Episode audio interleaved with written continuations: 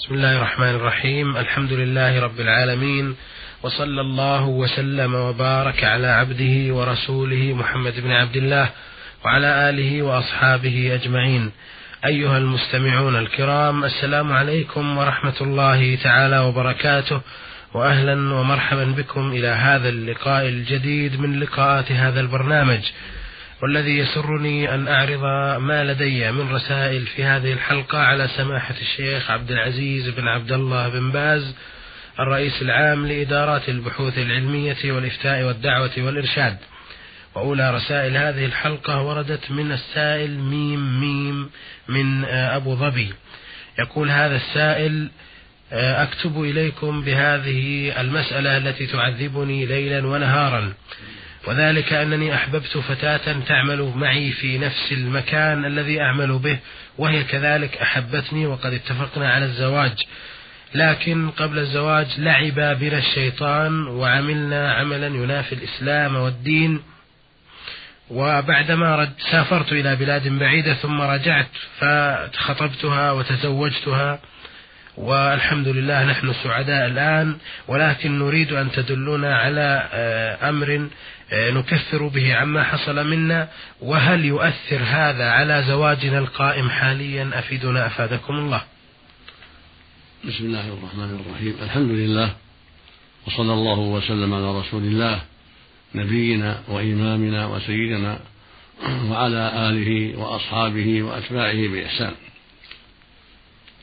أما بعد فلا ريب أن اتصال الرجل بالمرأة قبل الزواج أمر محرم وليس له أن يتصل بها لا بقبلة ولا لمس ولا غير ذلك وليس لها أن تتصل به وليس له أن ينظر إلى عورتها وليس لها أن تنظر إليه.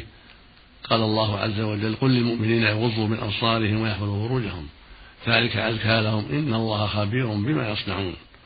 وقل للمؤمنات يغضون من أبصارهن ويحفظن فروجهن الآية. قال عز وجل وإذا سألتموهن متاعا فاسألوهن من وراء حجاب ذلكم أطهر لقلوبكم وقلوبهن. الآية فالذي فعلتم سابقا منكر وعليكم التوبة إلى الله من ذلك. عليك وعليها التوبة إلى الله سبحانه مما فعلتما من الاتصال والمباشرة. والتوبة تجب ما قبلها. متى تاب كل منكم توبة صادقة مضمونها الندم على الماضي والعزيمة أن لا تعود في ذلك. هذا يكفر الله به ما مضى. حتى الكفر إذا تاب الكافر وأسلم تاب الله عليه. فهكذا المعاصي إذا تاب منها المسلم بالندم على الماضي والإقلاع منها والحذر منها تعظيما لله سبحانه حذرا من عقابه وعزم عزما وعزم عزما صادقا على عدم العود تاب الله عليه. وإن كان الذنب يتعلق بحق مسلم في ماله أو دمه أو عرضه استحله من ذلك أو أعطاه حقه. فالحاصل أنك أنت والمرأة عليكم التوبة مما مضى والتوبة تجيب ما قبلها. وذلك بالندم على ما فعلتما سابقا وعدم العود إلى ما حرم الله عليكما والعلم الصادق على ألا تعودا في مثل ذلك. أما النكاح فلا يتأثر بالماضي. النكاح إذا استوفى شروطه فلا بأس. ونسأل الله جعله نكاحا مباركا والحمد لله على السلامة من أسباب غضب الله عز وجل. وهذا الذي فعلتما هذا من آثار الخلطة. فإن وجود المرأة مع الرجل في المكتب من أسباب وقوع الفاحشة. ولهذا نص العلماء على تحريم عمل المرأة مع الرجل في مكتب واحد وعمل واحد يتمكن من خلوة بها والنظر إليها والنظر إلى ما حرم الله منها ونظرها إليه نظر الشهوة والفتنة. هذا من المحرمات ومن الواجب الحذر منه وتركه. فالعمل المرأة لها أعمال تكون مع أخواتها ومع جنسها والرجل له أعمال مع إخوانه وجنسه. أما خلطهما وجعلهما في مكتب واحد وفي عمل واحد فهو يفضي إلى شر كثير وإلى فساد عظيم. يجب الحذر منه. وهكذا السكرتيرة للكاتب أو للمدير أو للطبيب أو ما أشبه ذلك كلها أمور منكرة كلها محرمة كلها مفضية إلى الفساد والزنا والفاحشة فيجب الحذر من ذلك. يجب على حكام المسلمين وعلى أولياء الأمور أن يحذروا هذه الأمور المنكرة وأن يجعلوا النساء مع النساء والرجال مع الرجال. فالسكرتين يكون للرجل رجلا ويكون للمرأة امرأة فالطبيبة تكون معها النساء وتكون مع النساء والممرضة كذلك مع مع النساء وهكذا الممرض والطبيب يكون للرجال. المقصود أن الواجب إبعاد هذا عن هذا والحذر من قرب هذا من هذا ولا سيما في الأعمال التي يتصل فيها الرجل المرأة ويخلو بها فإن شرها عظيم وعاقبتها وخيمة. والله المستعان. نعم. بارك الله فيكم. وهذه رسالة وردتنا من الأخ مطلق العنزي من الخارج يقول فيها إذا دخلت المسجد والجماعة المصلين آه، قد أكملوا الصف ولا يوجد في الصف فرجة فماذا أفعل؟ هل أجذب شخصا من الصف السابق ليصف بجانبي آه، أم أصلي لوحدي؟ وتصدف أحيانا كثيرة أن الإمام يسلم ولم يأتي أحد آخر يصلي معي أفيدوني أفادكم الله. الواجب على من دخل والإمام في الصلاة أن يلتمس. فرجة فيدخل فيها فيدخل فيها أو يلتمس أطراف الصفوف حتى يصف مع الناس. أما جذبه لغيره فلا. والحديث الوارد في ذلك لا دخلت معهم أو إشارة رجلا حديث ضعيف لا تقوم بالحجة. ولأن جذب الرجل من الصف يفتح فيه فرجة. والرسول أمر بسد الخلل سد الفرج. ولكن ينتظر حتى يجد مكانا في الصف أو يأتي بعض الناس فيصف فيصف, فيصف معه. أما أنه يصف وحده فلا. لأن الرسول عليه السلام قال لا صلاة لمنفرد خلف الصف. ولما رأى رجل يصلي خلف الصف وحده أمره يعيد الصلاة. لكن تيسر له أن يصف مع الإمام عن يمينه فلا بأس. والخلاصة أنه ينتظر. إن لم يجد مكانا فإنه ينتظر ولو فاتته الصلاة. فإذا سلم الإمام صلى وحده. وإن أتى معه أحد وصلى معه فالحمد لله. وإن وجد فرجة في الصف الأول أو في الثاني أو في أطراف الصفوف صف مع الناس. وإن تمكن من الدخول حتى يقف مع الإمام عن يمينه فعل ذلك. هذا هو المشروع وهذا هو الواجب. نعم. بارك الله فيكم. صاحبنا أيضا يسأل عن كيف تصلى ركعتي الفجر؟ السنة لمن لم يستطع صلاتها قبل الفريضة. ويقول إن هناك حديثا عن رسول الله صلى الله عليه وسلم لا صلاة بعد الفجر حتى طلوع الشمس فهل ينطبق هذا النهي على صلاة ركعتي الفجر بعد الفريضة لمن فاتته قبلها؟ أفيدنا أفادكم الله. من فاتته سنة الفجر شرع له أن يأتي بها بعد ذلك فإن صلاها بعد طلوع الشمس وارتفاعها فهذا أفضل لأنه صح النبي صلى الله عليه وسلم الأمر بذلك. وإن صلاها بعد صلاة الفجر جاز له ذلك.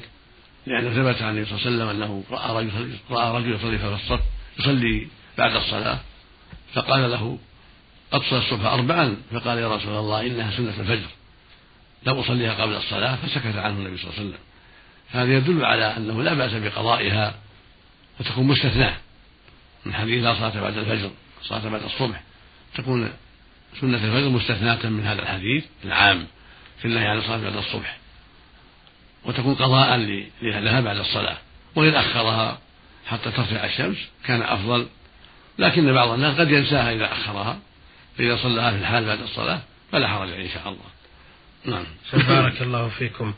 ويقول أيضا هناك من يدخل والصلاة قد تقام ولكنه يعرف من الإمام أنه يطيل في الركعة الأولى فيصلي ركعتي الفجر آه، قبل أن يدخل مع الإمام.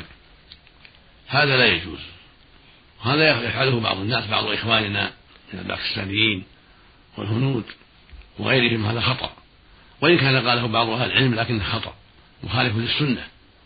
السنة للمأموم إذا دخل والإمام قد دخل في الصلاة أن يصف ولا يصلي راتبة الفجر ولا غيرها بل يصف مع الإمام. لما ثبت عنه صلى الله عليه وسلم أنه قال إذا أقيمت الصلاة فلا صلاة إلا المكتوبة خرج الإمام مسلم في صحيحه. فالواجب على من دخل والإمام قد أقام الصلاة أنه يصلي مع الإمام ويؤجل السنة بعد الصلاة أو بعد طلوع الشمس. أما يصليها والإمام يصلي فهذا لا يجوز. للحديث السابق وهو قوله صلى الله عليه وسلم إذا أقيمت الصلاة فلا صلاة إلا المكتوبة. رواه مسلم في صحيحه. وفي رواية أحمد فلا صلاة إلا التي أقيمت. فالواجب على من دخل والإمام قد كبر في الصلاة وقد دخل أو قد أقيمت الصلاة أنه يبادر ويصف مع الناس. والنافلة أمرها واسع. صلاها بعد الصلاة أو بعد طلوع الشمس أو تركها هي نافلة. لكن الأفضل أن يصليها بعد الصلاة أو بعد ارتفاع الشمس لأنها سنة راتبة فيها أجر عظيم. نعم. أثابكم الله. هذه رسالة وردت إلينا من فهد رشي رشيد الحسن من العراق محافظة ديالي. يقول في رسالته قال المولى في كتابه الكريم فضل الله المجاهدين على القاعدين أجرا عظيما. فهل المقصود بالمجاهدين هنا هم المجاهدون في سبيل الله فقط أم أن الجهاد يصح في سبيل العرض أو الشرف أو الأرض أو الوطن أو نحو ذلك؟ أفيدونا أفادكم الله. الجهاد إذا أطلق هو الجهاد في سبيل الله. قيل يا رسول الله الرجل يقاتل شجاعة ويقاتل حمية ويقاتل رياء. أي ذلك في سبيل الله؟ فقال المصطفى عليه الصلاة والسلام من قاتل لتكون كلمة الله هي العليا فهو في سبيل الله. لكن يجب على المسلم أن يدافع عن وطنه من الكفرة والمعتدين ويدافع عن عرضه وعن دمه وعن ماله. وإذا قتل فهو شهيد. لما ثبت عنه صلى الله عليه وسلم أنه قال من قتل دون دينه فهو شهيد من قتل دون ماله فهو شهيد من قتل دون أهله فهو شهيد.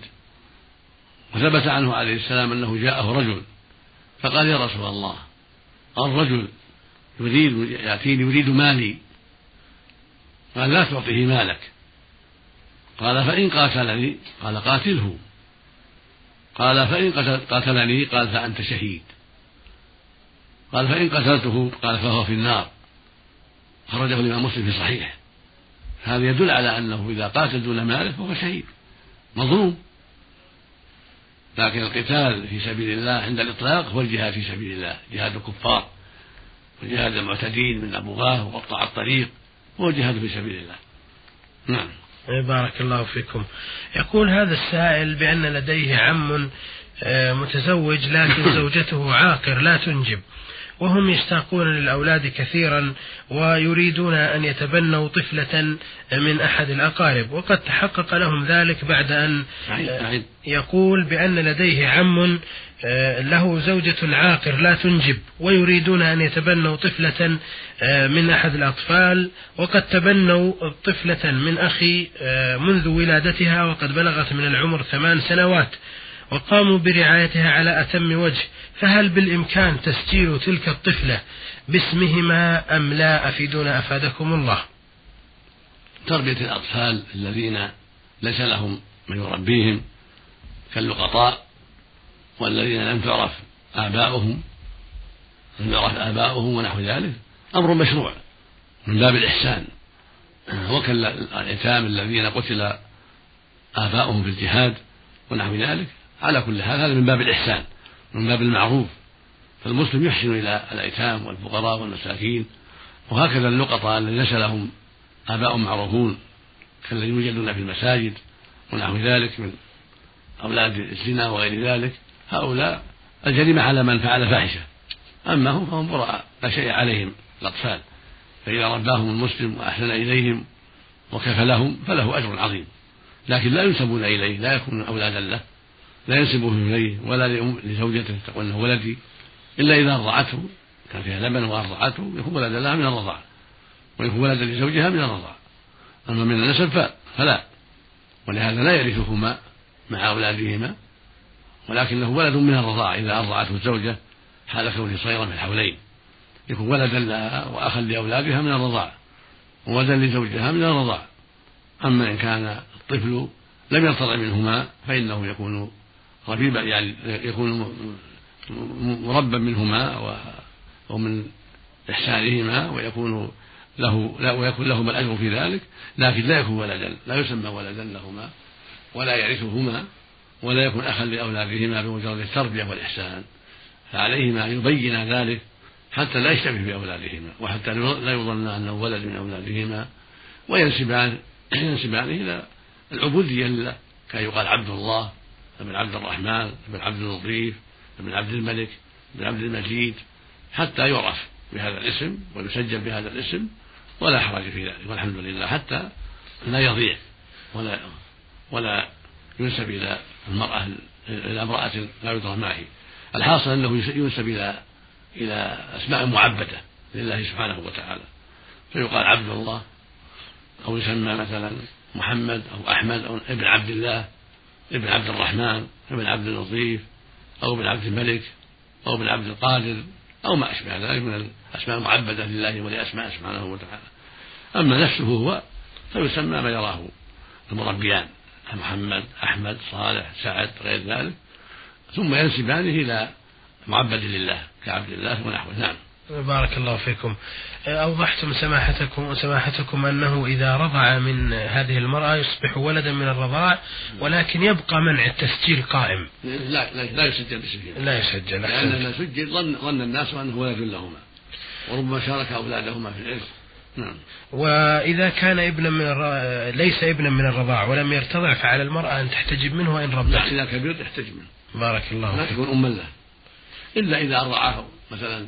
أخت لها أو أمها مثلا في وقت الرضاع الحولين يكون من باب الرضاع. نعم بارك الله فيكم. آه، صاحبنا هذا يسأل أخيرا عن نقطتين. يقول في إحداهما هل على المسلم ضير في تفضيل بعض آه، فروض الصلاة عن بعض كأن يحب صلاة المغرب مثلا أكثر من غيرها؟ وماذا يجب على المسلم قبل دخوله في الصلاة؟ هل يجب عليه أن يقرأ الأذان أم يدعو دعاء آخر؟ أفيدونا أفادكم الله.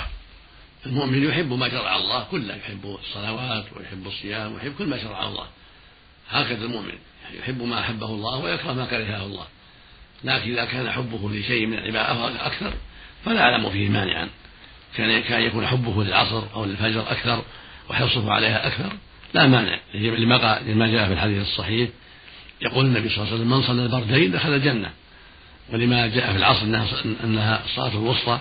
وهكذا إذا حب مثلا سنة الضحى أكثر من سنة الليل أو سنة الليل أكثر من سنة الضحى أو ما أشبه ذلك أو صوم الاثنين والخميس أكثر. لانها لأنه لأن صوم الاثنين والخميس لهما مزيه بنص النبي عليه الصلاة والسلام. فالمقصود أن الواجب حب جميع ما شرع الله. وكراهة ما نهى الله عنه. فإذا فضل بعض المشروع بالحب أكثر فلا نعلم فيه مانعا شرعيا وبالنسبة لما ينبغي على المسلم أن يقوله قبل الدخول في الصلاة. يشرع له ما شرعه النبي صلى الله عليه وسلم. عند الدخول في المسجد يقدم يده اليمنى يقول بسم الله والصلاة والسلام على رسول الله. أعوذ بالله العظيم ووجهه الكريم وسلطانه القديم من الشيطان الرجيم. اللهم افتح لي أبواب رحمتك وعند الخروج يأتي يصلي على النبي صلى الله عليه وسلم ويقول اللهم إني أسألك من فضلك اللهم أجرني من الشيطان. وليس له شيء خاص عند عند الدخول في الصلاة عند التحريم بها. لم يحفظ النبي صلى الله عليه وسلم في هذا شيء منقول عند الدخول.